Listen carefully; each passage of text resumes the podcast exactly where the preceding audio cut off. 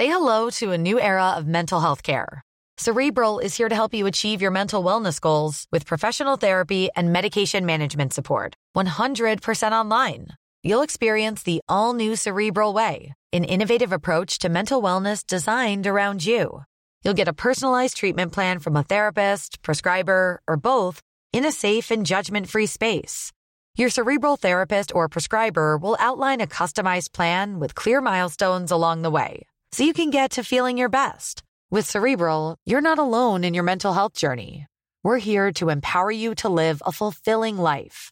So take that first step towards a brighter future and sign up today at cerebral.com slash podcast and use code ACAST to get 15% off your first month. Offer only valid on monthly plans. Other exclusions may apply. Offer ends July 31st, 2024. See site for details.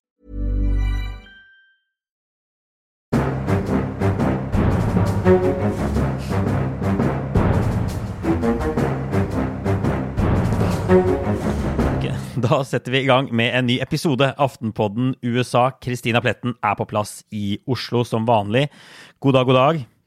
Hei, Øystein. Ja, på plass i Oslo. Det har vært eh, en eh, spesiell og ganske tung eh, helg og tunge dager her i Oslo etter terrorangrepet fredag kveld. Eh, det kom jo bare noen timer etter denne avgjørelsen i amerikansk høyesterett, så det har, det har føltes litt for meg som om eh, middelalderen eh, strekker Er en klam hånd tilbake både her og der. Nå er det tirsdag og er fortsatt litt preget av, av alt som har skjedd.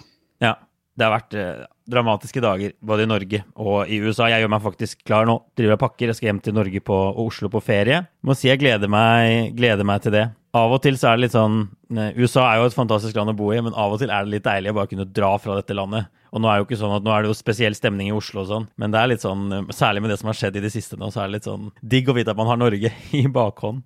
Ja. Eh, vanligvis så føler man jo at Norge kanskje er det aller tryggeste landet å, å være i av alle. Eh, Ja. Og det er det jo også. Ja. Men det er klart at eh, når eh, sånn som det skjer, som, som skjedde fredag kveld, så kommer terroren veldig tett på. Både du og jeg har jo vært mye ute og dekket terrorangrep tidligere. Jeg la ut en sak som vi gjorde sammen i Facebook-gruppen vår. Du har jo faktisk opplevd eh, å være på et sted som ble angrepet av, eh, av terrorister også, Øystein. Ja, det er sant, det. Det var eh, ja, Rett etter at jeg flytta til Brussel og var europakorrespondent i 2015, så tok jeg tog fra eh, Brussel til Paris, hvor det var altså en fyr som begynte å skyte på dette toget. Og det var vel, Han ble faktisk overmannet av noen amerikanere. De har også laget en film om det. Noen sånne soldater som var altså, i sivil, på tur. Så det gikk jo sånn sett bra i hermetegn, men det var jo også starten på en, noen helt vanvittige år med terroren i Paris. Det var jo denne, denne lastebilen i NIS som vi skrev en sak i kjølvannet av etterpå og sånn. Så det, ja, vi har blitt litt sånn, på en måte litt sånn herda òg. Det har vært noen, ja, en rar periode. Ja. Eh, vi har blitt herdet, men samtidig så er det jo noe med at når det kommer så tett på, da eh, Jeg hadde en veldig god venn som var på London eh, den, når dette skjedde. Mm. Konen min var på baren ved siden av bare for et par timer før, så det, Ja. det ble liksom eh, Det kom veldig tett på, da.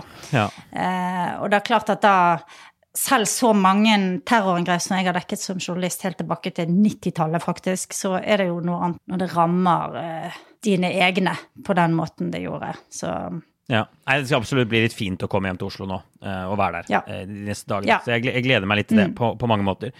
I dag så skal vi snakke om USA fortsatt, om om Høyesterett, tenker jeg, og de ikke bare abortdommen, men de mange andre kontroversielle kjennelsene som har kommet de siste ukene. Vi snakker også våpen, vi snakker kirkestat, det kommer en eh, miljødom eh, like rundt hjørnet. Eh, og vi må snakke litt om altså, konsekvensen av at amerikanere, mange amerikanere nå mister tilliten til domstolen, som jo Høyesterett er så avhengig av, og alle de andre kontroversene som denne domstolen har vært i de siste årene. Så det er dagens tema, men vi tar som bare en vanlig en runde på siden sist først. Og det er jo sånn, Jeg tenker egentlig det er ett stort punkt på, på siden sist, og det er altså, høringene om stormingen av Kongressen 6.1. Egentlig så så det ut til å være ferdig i denne omgang, og så skulle de ta en pause til langt ut i juli, men så kommer det nå en sånn slenger i dag, hvor de altså skal ha en ekstrahøring med en rådgiver for Trumps eh, tidligere stabssjef Mark Meadows, som, som blir interessant. Eh, og Vi snakket jo om høringene for noen uker siden, om de ulike målene og hva de hadde oppnådd til da. Og Da var jo en av konklusjonene at det var lite sannsynlig at det ville bety noe politisk, særlig for Trumps muligheter til gjenvalg og sånn. Det skulle i hvert fall veldig, veldig mye til. Eh, og jeg tenker at det fortsatt er hovedkonklusjonen. Men det er også blitt tydelig at Trump virkelig irriterer seg over hvordan disse høringene har artet seg. Eh, mm. altså jeg tror de, de, konservative og republikanerne de ønsker bare ikke kommentere høringene i det hele tatt. De vil ikke ha noe oppmerksomhet rundt det. De skal bare holde kjeft, er planen. Det klarte ikke Trump. Så han har, han har gått rundt og klagd nede på Mar-a-Lago og rundt omkring i USA over hvordan ingen står opp for han, ingen forsvarer han i disse høringene. Han har kritisert ledelsen nå offentlig i partiet òg for at de ikke har noen i komiteen som utfordrer narrativet. For de valgte jo å boikotte den komiteen.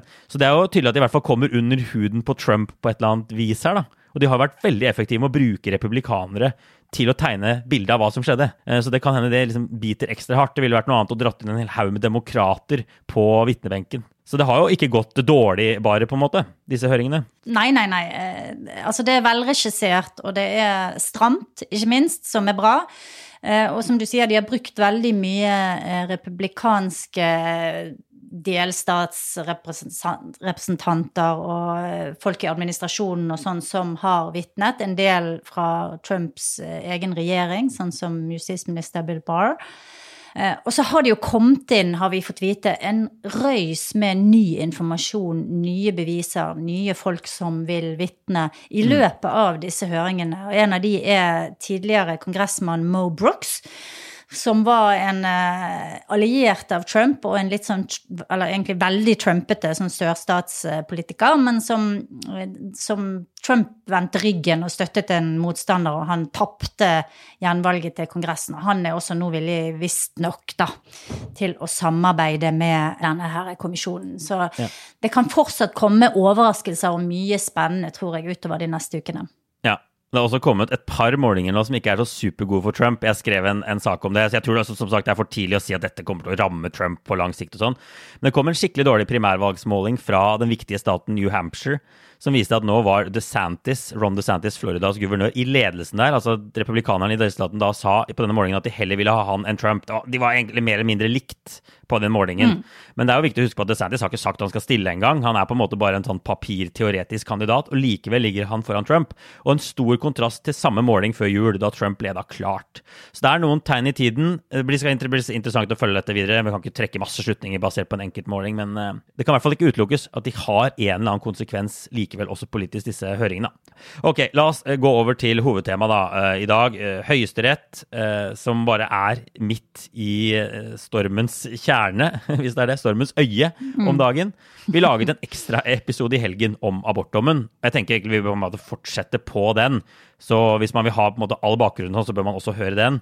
Men kort oppsummert så er det sånn at det konservative flertallet i Høyesterett har vedtatt å fjerne den nasjonale retten til selvbestemt abort, som ble etablert gjennom denne Roe mot Wade-dommen i 1973. Og nå er det opp til delstatene å sette sine egne abortregler, og det betyr at en god del steder så er det allerede blitt innført tilnærmet totalforbud mot abort, også i tilfeller av voldtekt og incest. Og så har disse lovene unntak når kvinnens liv er i fare, altså når hun er i livsfare. Eh, som f.eks. sånne ektopiske svangerskap, som det heter, når egget fester seg utenfor livmoren. Så det er noen unntak selv i de mest ekstreme lovene, men ikke mange.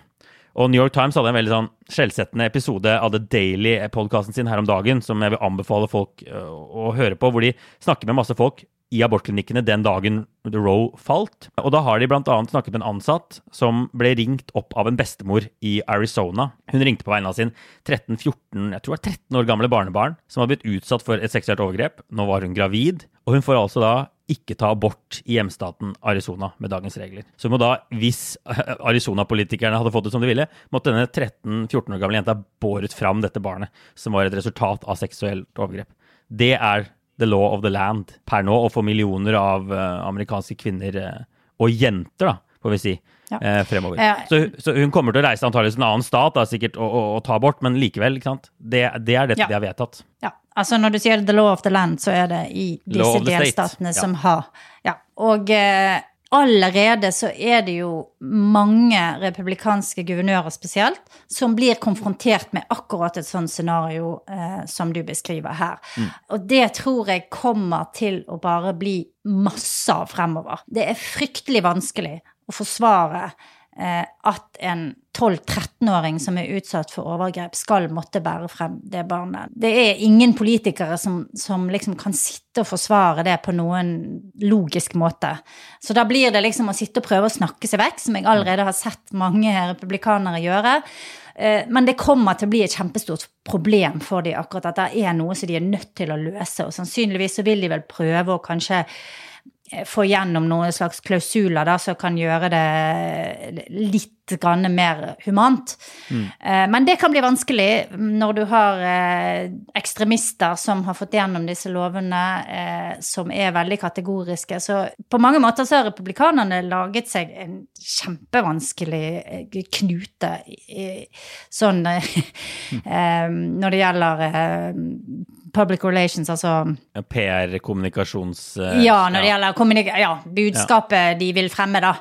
Og de blir jo også stater som Arizona, kanskje Arkansas, sånne stater som har fryktelig dårlig sosialt tilbud når barnet først er fått, født. Mm. De skal også måtte forsvare det da, og si ok, når denne 13-åringen da må bære frem dette barnet, hva stiller da delstaten med av uh, tjenester for å hjelpe mm. henne og barnet når det er født? Så de får liksom uh, De blir som svar skyldig på mange felt. Jeg tror dette her skal bli meget krevende for mange republikanere å svare på. Ja, og så har det kommet de første målingene, får vi si nå, etter uh, denne Roe-dommen. Det er jo som alltid litt forskjellig akkurat ettersom hvilket spørsmål de stiller når de ringer rundt.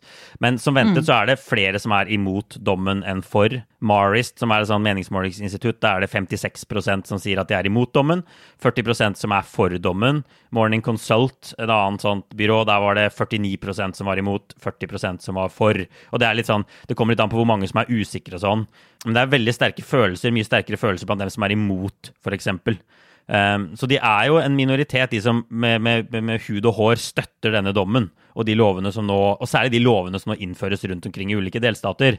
Når man spør uh, hvor mange som er uh, for abortforbud i alle tilfeller, altså også med incest og, og, og, voldtekt, så er det sånn som én av ti amerikanere som støtter de mest ekstreme lovene. Så det er også en ganske mm. marginal holdning. Og til en viss grad så blir jo debatten vil jo handle om de kanskje mest ekstreme lovene. I hvert fall på, på kort sikt. Eh, så dette er jo tall demokratene vil like til en viss grad, i hvert fall. Ja, og så kan du si samtidig at det å stille disse spørsmålene i sånne meningsmålinger, det er litt misvisende, ikke sant? Fordi at de fleste amerikanere faller jo faktisk et sted midt imellom, hvis man spør om det. Hvis mm. man spør er du for abort med noen begrensninger, eh, så, så, havner liksom den største bolken der. I, hvert fall i de målingene jeg har sett. Og sånn ja. har det vært ganske lenge.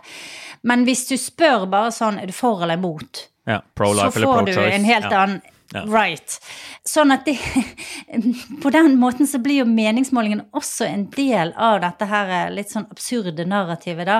Mm. Eh, der liksom for og imot får veldig mye, veldig mye makt og veldig mye punch. Og så eh, den løsningen som, som fleste, flertallet, eller i hvert fall en stor eh, andel av amerikanere liker best, mm. den er det ingen som engang får tilbud om å ha en mening om. Nei, i hvert fall ikke inntil videre. Vi får bare se hva, hva som skjer der. Det kan godt hende noen republikanske stater som Florida sånn, innfører sånne 15-ukerslover som vil ligne litt mer på den norske abortloven. Det kan hende noen, noen sånne vippestater vil ende med noen kompromisser. Men, men disse målingene viser også en annen ting som, som vi må snakke litt om, og det er at langt flere mener at avgjørelsen handlet om politikk enn, å, enn om juss, da. Og da kommer vi inn på et, et veldig sånn interessant konsept her. Uh, mange av dommerne i Høyesterett sier at de ikke er politikere. De vurderer loven, det er deres jobb. Uh, Amy Coney Barrett har snakket om dette det siste året. Stephen Breyer, altså liberal dommer, har snakket om dette. Og et sånt sentralt prinsipp da, som man snakker mye om i USA, USA er noe som heter stare decisis. Altså at tidligere avgitte dommer, eller presedens om du vil, det er noe som skal mm. legge føringer for dommerne som sitter i dag. Så det betyr at det kan være dommer du er rykende uenige, men hvis de har blitt liksom stående lenge, de har vært stående i kanskje 50-100 år, de har vært stadfestet flere ganger av tidligere dommere, ulike sammensetninger, så skal det veldig mye til å gjøre om på de dommene, og i hvert fall gjøre radikale endringer. Uh, som skal, mm. Dette skal liksom sikre legitimiteten til Høyesterett, en viss grad av stabilitet over tid. Det kan, bytter en dommer, så, så, kommer de til en helt annen konklusjon. Det er liksom ideen bak uh, Stare Decisis. Og da kommer vi inn på mm. det som har forbløffet meg kanskje mest uh, de, de siste ukene.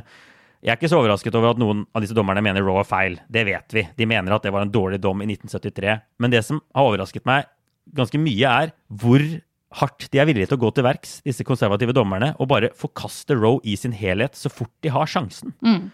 Den så jeg kanskje ikke helt komme, i hvert fall ikke når man så det første året med disse, denne nye konservative domstolen og sånn. Da var de litt mer forsiktige, men nå har de bare klinka til. Ja, de har virkelig det. Og eh, jeg har jo sett mange som mener at ikke bare eh, har de forkastet en, eh, en, president som har ligget der i, i, 50 år, men de utfordrer også selve dette prinsippet som du skisserer med presedens. Altså mm. når man da kan gå inn og, og, og snu rundt på noe som har vært uh, the law of the land så lenge, uh, hvorfor skal man ikke da kunne gjøre det i mange andre sammenhenger med en lignende argumentasjon, da? Så uh, jeg har sett ganske mye kritikk av selve det prinsippet. Hvis man ser helt bort fra abort, da, så bare det juridiske i å liksom gjøre noe så radikalt som Høyesterett At det i seg selv setter en slags sånn ny standard, da for mm. hva høyesterettsdommere er villige til å gjøre. Og det var jo faktisk en del som minner om at det faktisk var flertall konservative dommere som i sin tid etablerte retten til abort i 1973. Mm. Altså utnevnt av vi konservative i den forstand utnevnt av republikanske presidenter. Og det var også et konservativt flertall da de valgte å beholde hovedtrekkene i Roe-dommen i 1992. Så det er jo ikke sånn at det har vært liksom full liberal dominans, og så, har, og så, har, det nå blitt konservativt, og så har de da valgt å kaste om på det her. Så det er også liksom interessant at de har stadfestet denne dommen flere ganger. Og det er jo sånn at høyesterettsjustitiarius John Roberts han regnes som en av de konservative. Men han kritiserer egne kolleger, og han stemte ikke for denne fulle reverseringen av Roe. Den var han veldig kritisk til. Han skriver masse om sånn behovet for judicial restraint, altså rettslig tilbakeholdenhet. Han ville ta små steg bort fra Roe, men han ville ikke gjøre denne, denne brutale eller voldsomme omveltningen. Så det var tydelig, og det er tydelig at han er liksom ganske sånn pissed på, på sine konservative kolleger, og de mm. omtaler jo han som veldig sånn isolert nå. Men det er jo han som på en måte har navnet sitt. Dette blir jo en veldig veldig viktig del av hans etter, ettermæle. Men det er i hvert fall, ikke sant, ja, så også blant de konservative da, så er det én dommer som mener at de går altfor fort fram og gjør altfor mye på en gang, at de burde tatt mer hensyn til presedens og historien her. Ja, og, Roberts sin posisjon handler jo også mye om dette her. Altså om uh, hvordan man faktisk gjør jobben sin som høyesterett, da. Ja. Ikke sant? Hvordan man eh, respekterer det rammeverket som ligger rundt de bestemmelsene de skal ta. Mm. Eh, og hvis man liksom går noen år tilbake, da, så, så trodde jo mange at han ville bli mer konservativ enn det han var. Han ble vel utnevnt av Bush altså Bush nummer to. Men han har jo vist seg å være kanskje en mer eh, moderat type dommer inn i denne sammenhengen enn eh, og, og, kanskje mer opptatt av det liksom formelle og det juridiske enn bare liksom det, det politiske, da. Så får man jo nå eh, Nå går jo Breyer ut, så får, får, får, du en ny dommer inn. Da blir jo kanskje han enda mer isolert og enda mer Og retten blir enda mer eh, splittet, altså domstolen. Det, mm det, det, er ikke mange igjen av de åtte utenom Roberts som i det hele tatt har noe sånn dragning mot, eh, mot det liksom moderate sentrum. Eh, Nei, å ta små skritt når man kan og sånn, er det han sier. Hvis man kunne tatt et lite skritt, så hadde man ikke forkasta Roe, man hadde kanskje fjernet liksom noen av prinsippene. Så det er interessant å se. Og så er det store protester over hele USA nå, selvfølgelig. Og, og beskyldninger om løgn og, og sinne, og det, det hagler egentlig også mot dommerne. Det er rettet ganske mye fokus mot dommerne. Brett Kavanaugh var en av de Trump utnevnte i sin tid, og han er blitt beskyldt for han er nærmest ha løyet til senator Susan Collins, som er en sånn eh, republikansk, men ganske sånn uavhengig senator, som vel er pro-choice, altså i hvert fall for abortrettigheter. Ja. Uh, og han mm. skal ha sagt til henne, da, det sier jo Collins selv, at uh, altså, Kavanaugh skal ha sagt at Roe var avklart, det var settled law. Så han sendte signaler om at han ikke kom til å gjøre noe med det. Og han sa også I'm a don't rock the boat kind of judge. Han tror på stabilitet. Han tror på disse, a team of nine, disse ni dommerne skal stå sammen. Mens, eh, mens, han har jo godt gjort, gjort, noe helt annet. Man kan jo ikke si annet enn at det å, å forkaste Roe er to rock the boat.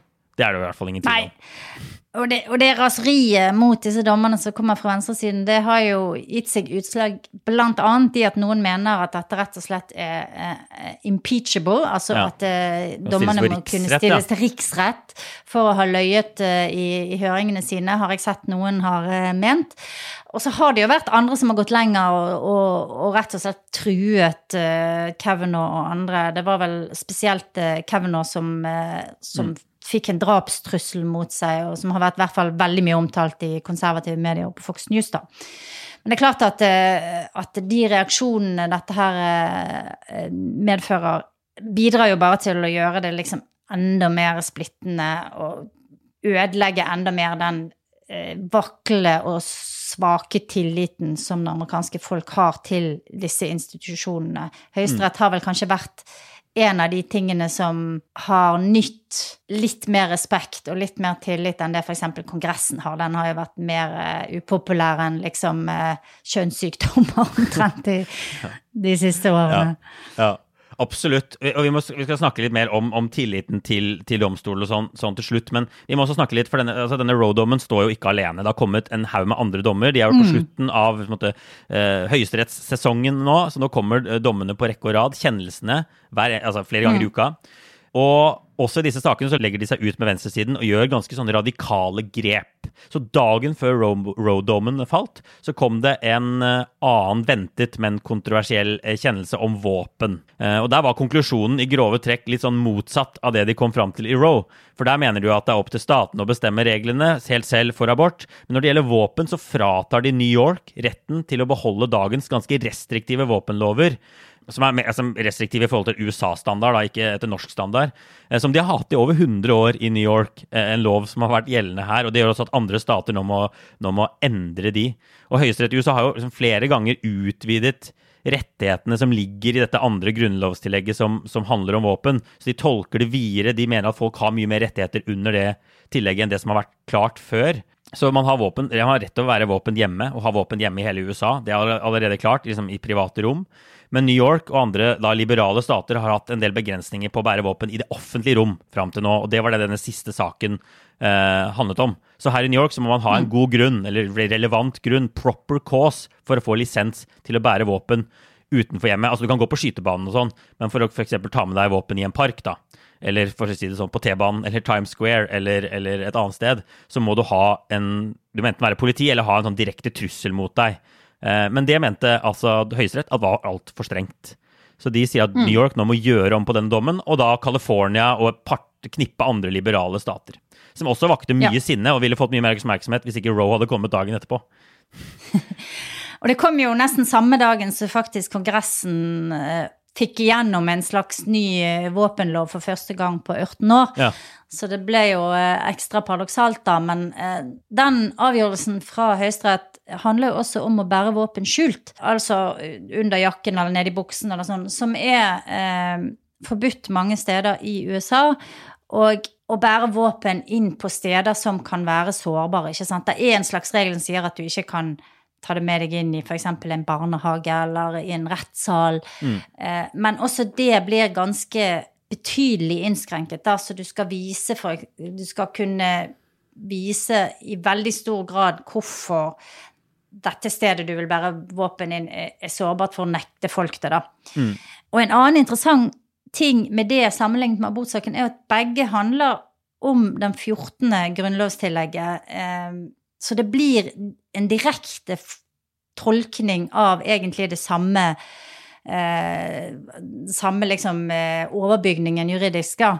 Eh, du har jo det andre grunnlovstillegget som gir retten til å bære våpen, men som også snakker om en milits. Og det er jo, dette her er jo sant, 250 år tilbake i tid. Ja. Men eh, eh, den avgjørelsen som kom fra Høyesterett, handler om det 14. grunnlovstillegget, samme som ble brukt i abortavgjørelsen, men der de har liksom kommet med en helt motsatt konklusjon. Eh, Det er veldig rart, og det viser jo veldig tydelig, tenker jeg, at dette er en politisk avgjørelse like mye som en juridisk avgjørelse. Det tror jeg at man har grunnlag for å påstå, da. Mm. De gjør liksom juridiske krumspring, nærmest, for å kunne havne på to vidt forskjellige konklusjoner. Så man har rett til å bære våpen overalt, men man har ikke rett til å bestemme over sin egen kropp. Mm. Og, og, og, så er spørsmålet hva, hva, dette vil bety for New York, da, byen jeg bor i og sånn. Eh, de skriver i dommen at man kan altså De åpner for at man kan si at noen områder er sensitive. Så man kan ikke lenger nekte folk, man kan ikke lenger kreve at folk må ha en god grunn for å få våpenlisens. Man kan kreve at de må gjennom kursing og en del sånne ting. Og så kan man si at mm. noen, i noen sensitive områder er det ikke lov med våpen. For det, disse dommerne er veldig opptatt av amerikansk historie, ikke sant? og det var det også den gangen USA ble grunnlagt. 1776, da var det noen sensitive steder hvor folk ikke gikk med våpen. Så, så, men, men de sier at man ikke kan si at hele Manhattan er sensitivt, f.eks. Så man, må, så man kan antageligvis, vil antageligvis se folk Eller bli mye lettere å bære våpen rundt Manhattan, men man kan kanskje si at Central Park, T-banen, restauranter er, eh, er, sensitive. Du nevnte barnehager og sånn. Altså, T-banen vet man ikke om. altså Den fantes jo ikke i 1776. Så det er jo en sånn Nei. ting som har kommet etterpå, hvor det da blir en sånn juridisk fight i fremtiden om man kan ha våpen på T-banen i New York eller ikke. Men, men, selvfølgelig mange i den byen her syns jo det er en helt ekstrem ting å skulle vurdere å la folk eh, gå med våpen på T-banen. Det er veldig mange ting som ikke eksisterte i, på seint 1700-tall. Kvinnelig stemmerett. Ja, vi kan begynne å gå gjennom. ja. Eh, og så har vi også hatt noen andre dommer. Da. Det er ikke bare handlet om våpen. Det har vært eh, kjennelser som går på skillet mellom kirke og stat. Kritikerne mener dommerne gjennom flere dommer nå skiller ut dette hellige, hellige skillet vi får kalle det, mellom, mellom, det som foregår i kirken og det som foregår i staten, som jo har vært helt sentralt i USA siden, siden grunnleggelsen. En fersk dom går på en trener på en skole i Washington, staten Washington, og om han har rett til å be ute på banen etter kampene, og hvorvidt det vil føle at mm. spillerne blir trukket inn i religion, om det er press rundt disse tingene og sånn. Flere sånne debatter rundt det. Men de sier at den, denne treneren, som vel måtte slutte jobben, han får lov til å be ute på banen. Det er lov pga. Altså, noe som går på altså, religionsfrihet da, og andre typer ting som krasjer med dette kirke og stat, eller er to motstridende hensyn. Eh, det var den ene dommen. Og så er det også en dom fra Maine som har gått på noe lignende. Ja, det er en dom som sier at eh, staten ikke kan nekte å utbetale skolepenger til eh, religiøse skoler, altså skoler som er drevet av kristne mm. organisasjoner eller andre religiøse organisasjoner. Ja, offent, offentlige skolepenger eller støttepenger fra det offentlige. ja. Mm. Støttepenger fra det offentlige. Og det handler jo også eh, i bunn og grunn om skillet mellom eh, mellom stat og, og, kirke, da. Dette her er jo et helt sånn grunnleggende prinsipp i USA. Religionsfrihet skulle også bety at det var frihet fra religion i det, i det som gikk på staten og mm. lovene. ikke sant? Det skulle gjelde for alle. Mm. Og dette stammer jo fra at eh, det kom veldig mange religiøse minoriteter til USA blant de første eh, innvandrerne som kom, bl.a. Eh, haugianerne fra Norge, ikke sant, som gjerne mm. hadde blitt forfulgt i hjemlandet, mm. og skulle kunne komme til dette landet og tro på hva de ville, og utføre sin, eh, sine religiøse ritualer osv. i fred.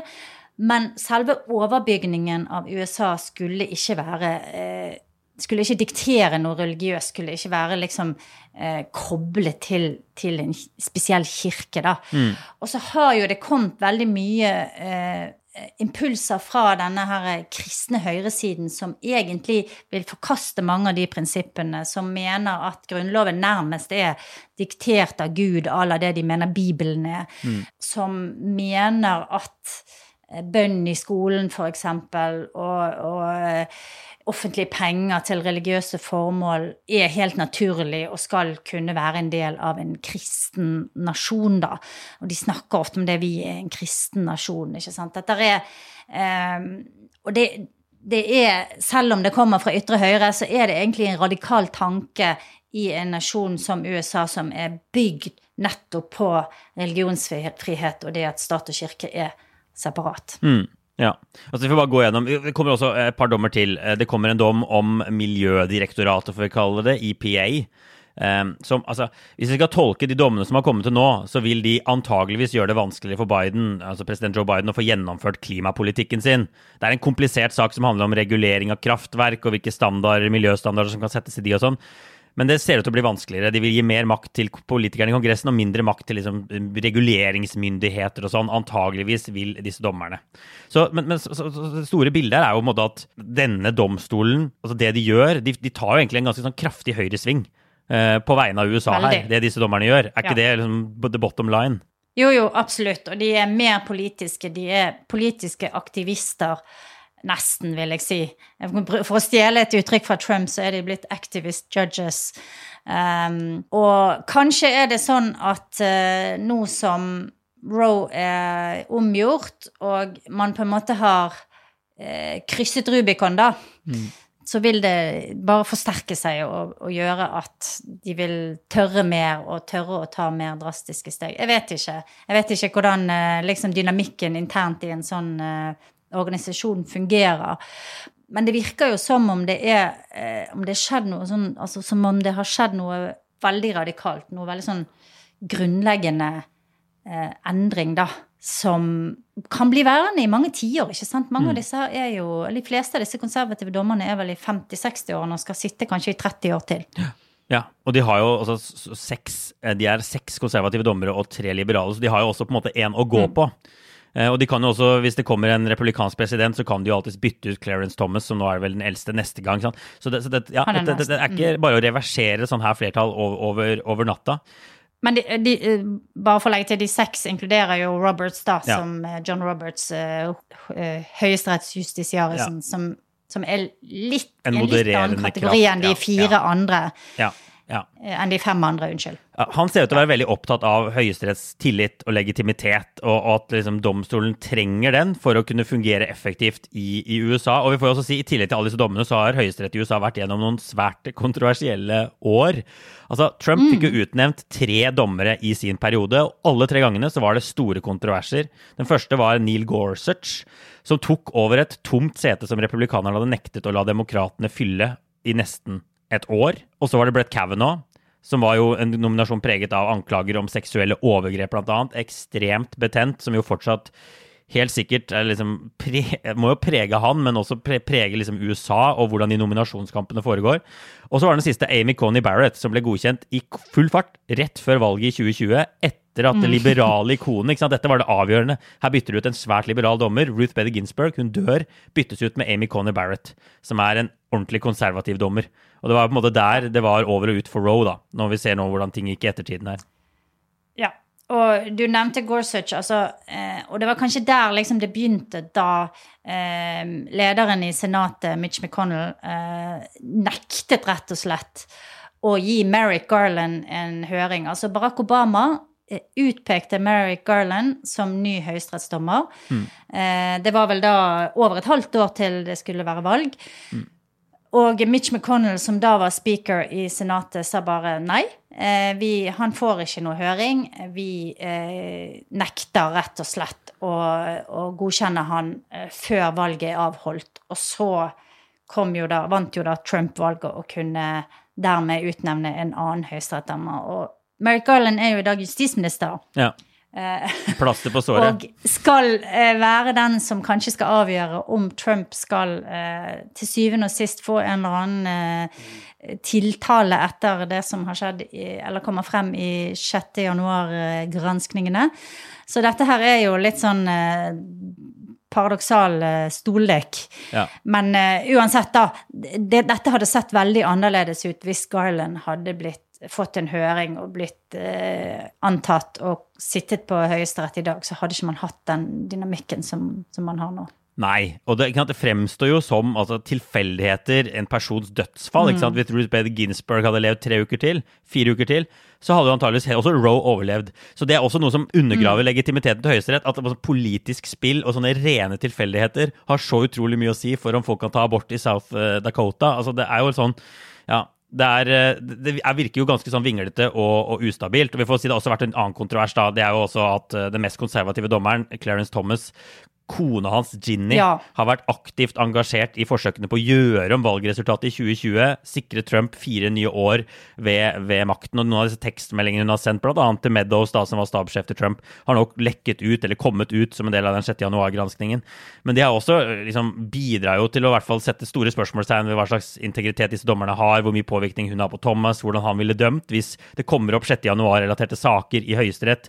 Så her er det masse spørsmål. Det har de jo allerede gjort. Ja. Det har jo vært en sak der eh, Høyesterett var inne for å avgjøre om eh, noen av disse her eh, tekstmeldingene og bevisene kunne brukes, og der, der Thomas ikke sa at han var inhabil, selv om koden hans da var en av de som den avgjørelsen ville, ville påvirke. Så nei, det er jo bare Det, det er jo et helt sinnssvakt system.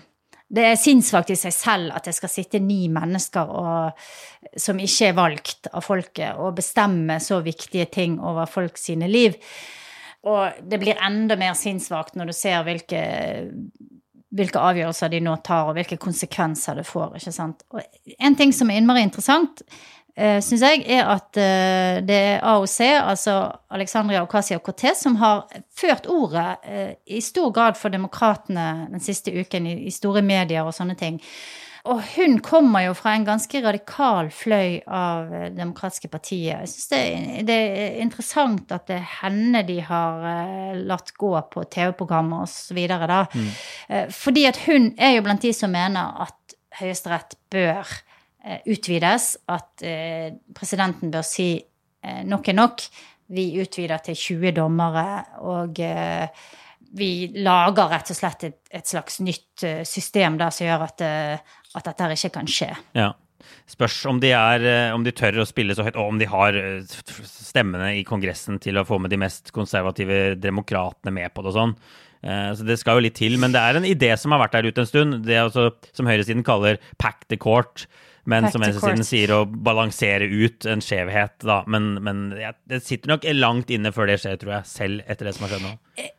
Ja, eh, det sitter nok langt inne, men jeg tror fort at det kan bli et tema i valgkampen i 2024. Og at det da kan eh, virke eh, mindre radikalt fordi at retten nå oppfører seg så radikalt.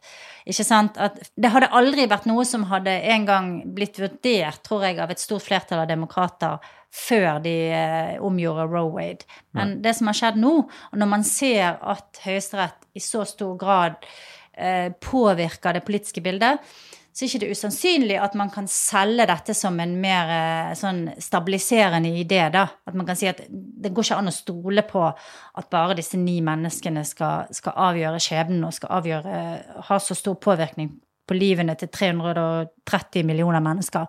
Vi trenger å ha en større høyesterett. Vi har jo en større høy- høyesterett i Norge, f.eks., der de, der de overhodet ikke har så mye makt eller eh, politisk innflytelse.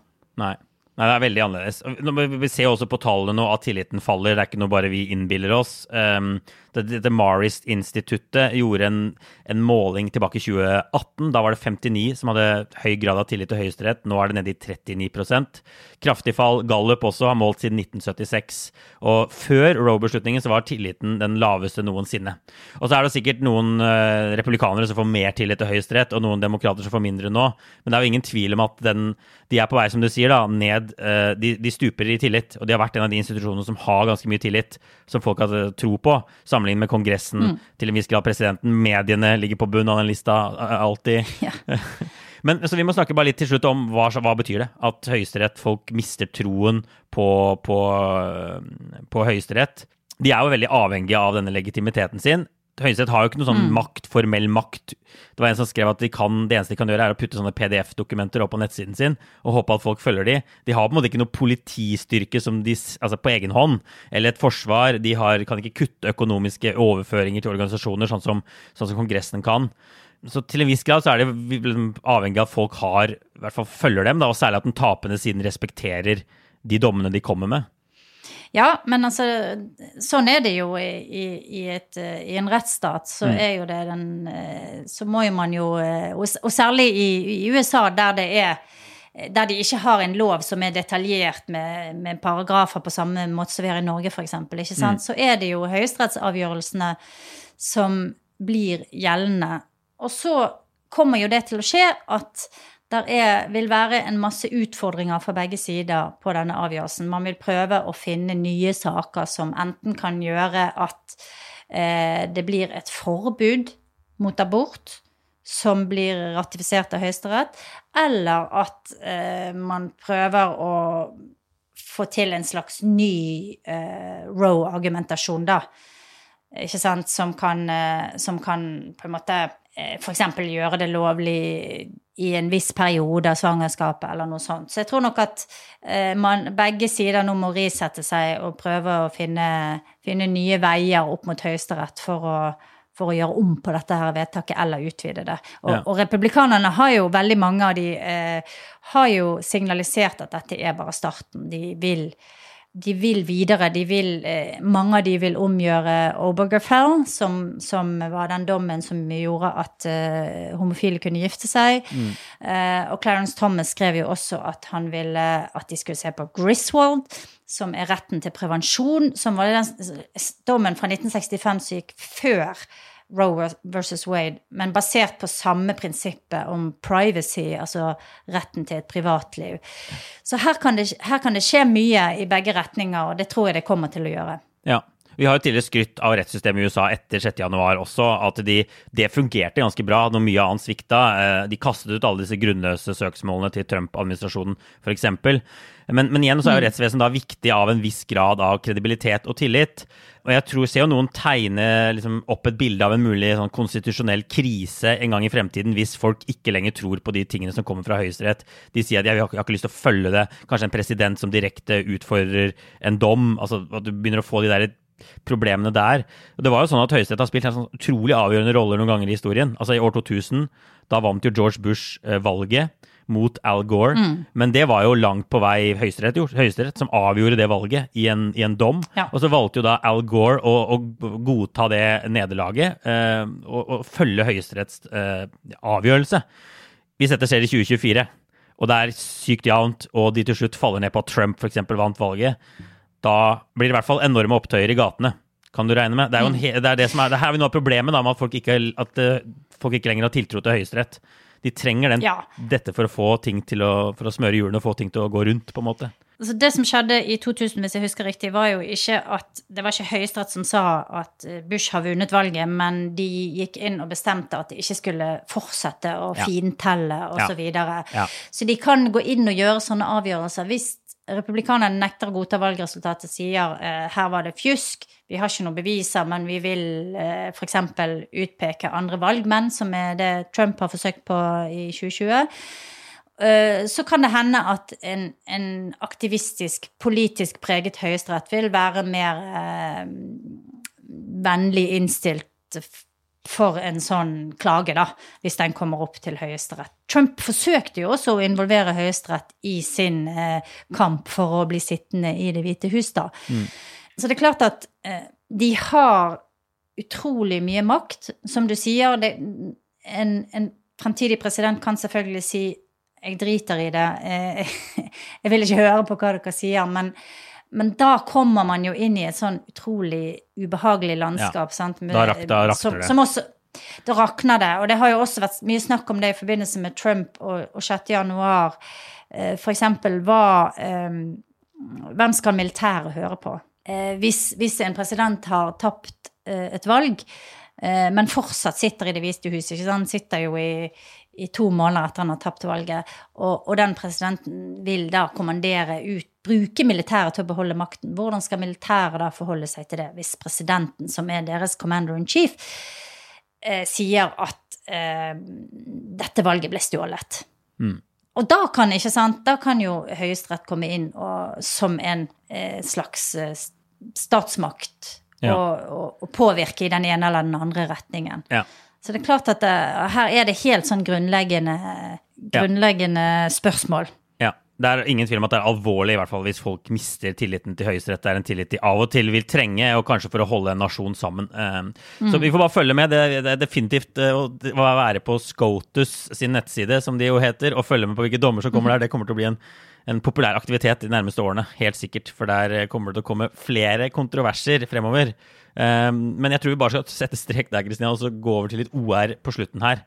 Eh, har du noen spennende tanker eller anbefalinger? Du, ikke så veldig spennende, men en anbefaling egentlig som handler litt om det vi snakket om sist gang, om økonomi og utvikling av eh, det økonomiske bildet. Der er en eh, Jeg vet mange ser vel på CNN, for det er vel stort sett det man får eh, i Norge hvis man har en sånn vanlig kabelpakke, men det fins også en kanal som heter CNBC. Mm. Som er eh, tilgjengelig for de fleste nordmenn, hvis du velger den inn. Og den handler jo mye om business og penger. Jeg har sett ganske mye på den, for jeg syns jeg lærer mye. De har helt andre kilder, og de har helt annen tilnærming eh, til økonomi og til politikk også, ikke sant? Mm. Og så viser de noe som heter Meet the Press hver eh, søndag. Som er et gammelt program som uh, er liksom veldig sånn tungt, gammelt journalistisk program. Der, der eh, alle de viktigste politikerne kommer og kommenterer viktige hendelser og utvikling, da.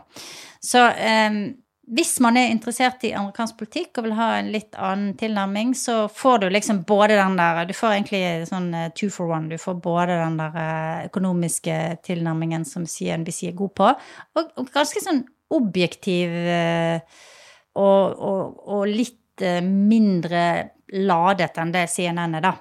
Mm. Eh, og så får du Meet the Press om søndagen, som, som er alltid er interessant å se på.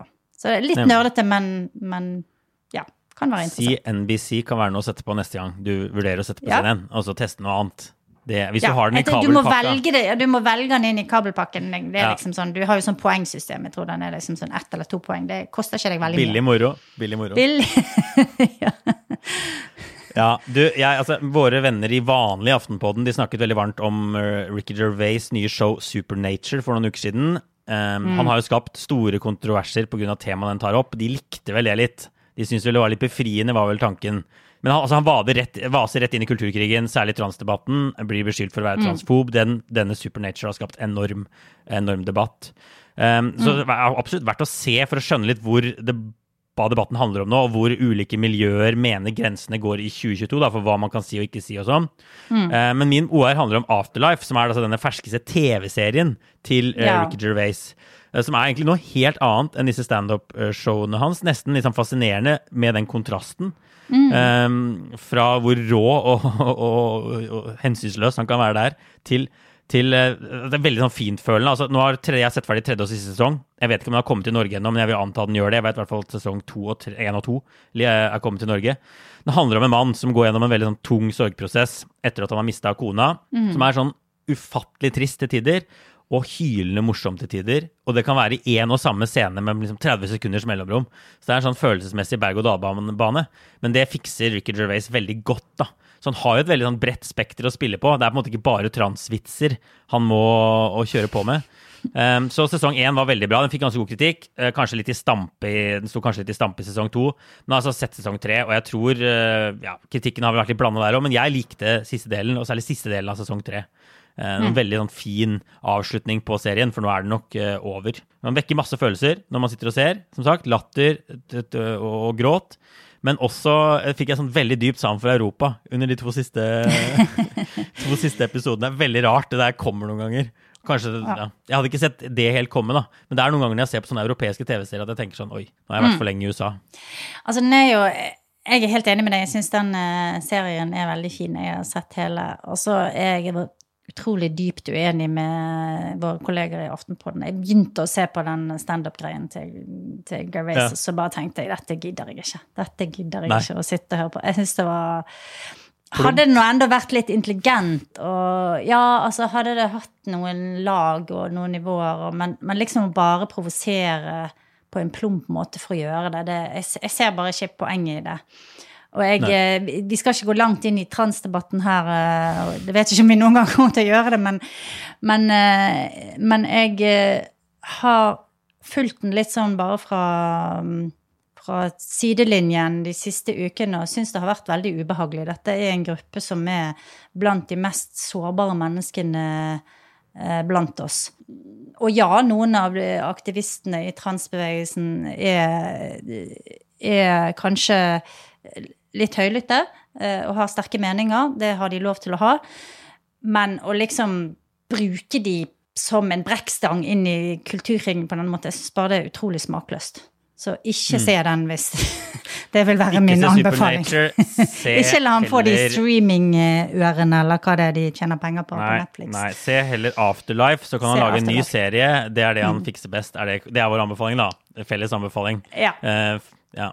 Du, bare Helt til slutt så vil jeg bare si at jeg og Kristina altså, vi følger opp eh, Vi hadde en tradisjon vi har en slags tradisjon nå om å lage en sommerepisode med, hvor vi svarer på spørsmål fra lytterne. Så jeg tenkte vi kan gjøre det i år også. Eh, spørsmål om alt mulig, altså USA, medier, jobbene våre, andre relaterte ting. Så skal vi svare så godt vi kan. Så jeg tenker vi bruker bare Facebook-gruppa vår primært til at folk kan sende inn spørsmål der. Jeg skal lage en, en post der. Eller så går det an å melde meg på Instagram også, Oystein Langberg. Eller på, jeg har sånn korrespondentside på Facebook. Det går an å sende inn meldinger der hvis man ikke er med i gruppa vår. Hva Ja. foretrekker du? Fysisk, fysisk, fysisk brevpost? Er du frekk? hvor Nei, hvor, hvor vil du ha spørsmål? Nei, jeg syns at det er fint i den gruppen, altså. For da kan jo andre Ja. liksom eh, hoppe inn og Så det er Ja. primært det, men eh, selvfølgelig Instagram eller på e-post også, hvis noen ja. vil bruke det. Kristina.pletten.aftenposten.no. Yes. Går det an å sende inn et spørsmål til? Ja, Bra. Ja. Du, jeg tror vi setter strek der, og så gleder vi oss til å komme tilbake med spørsmålsepisoden senere i sommer. Eh, Og inntil da får alle ha det bra, og ha en fin sommerferie for de som er så heldige å begynne den nå. Ha det, ha det.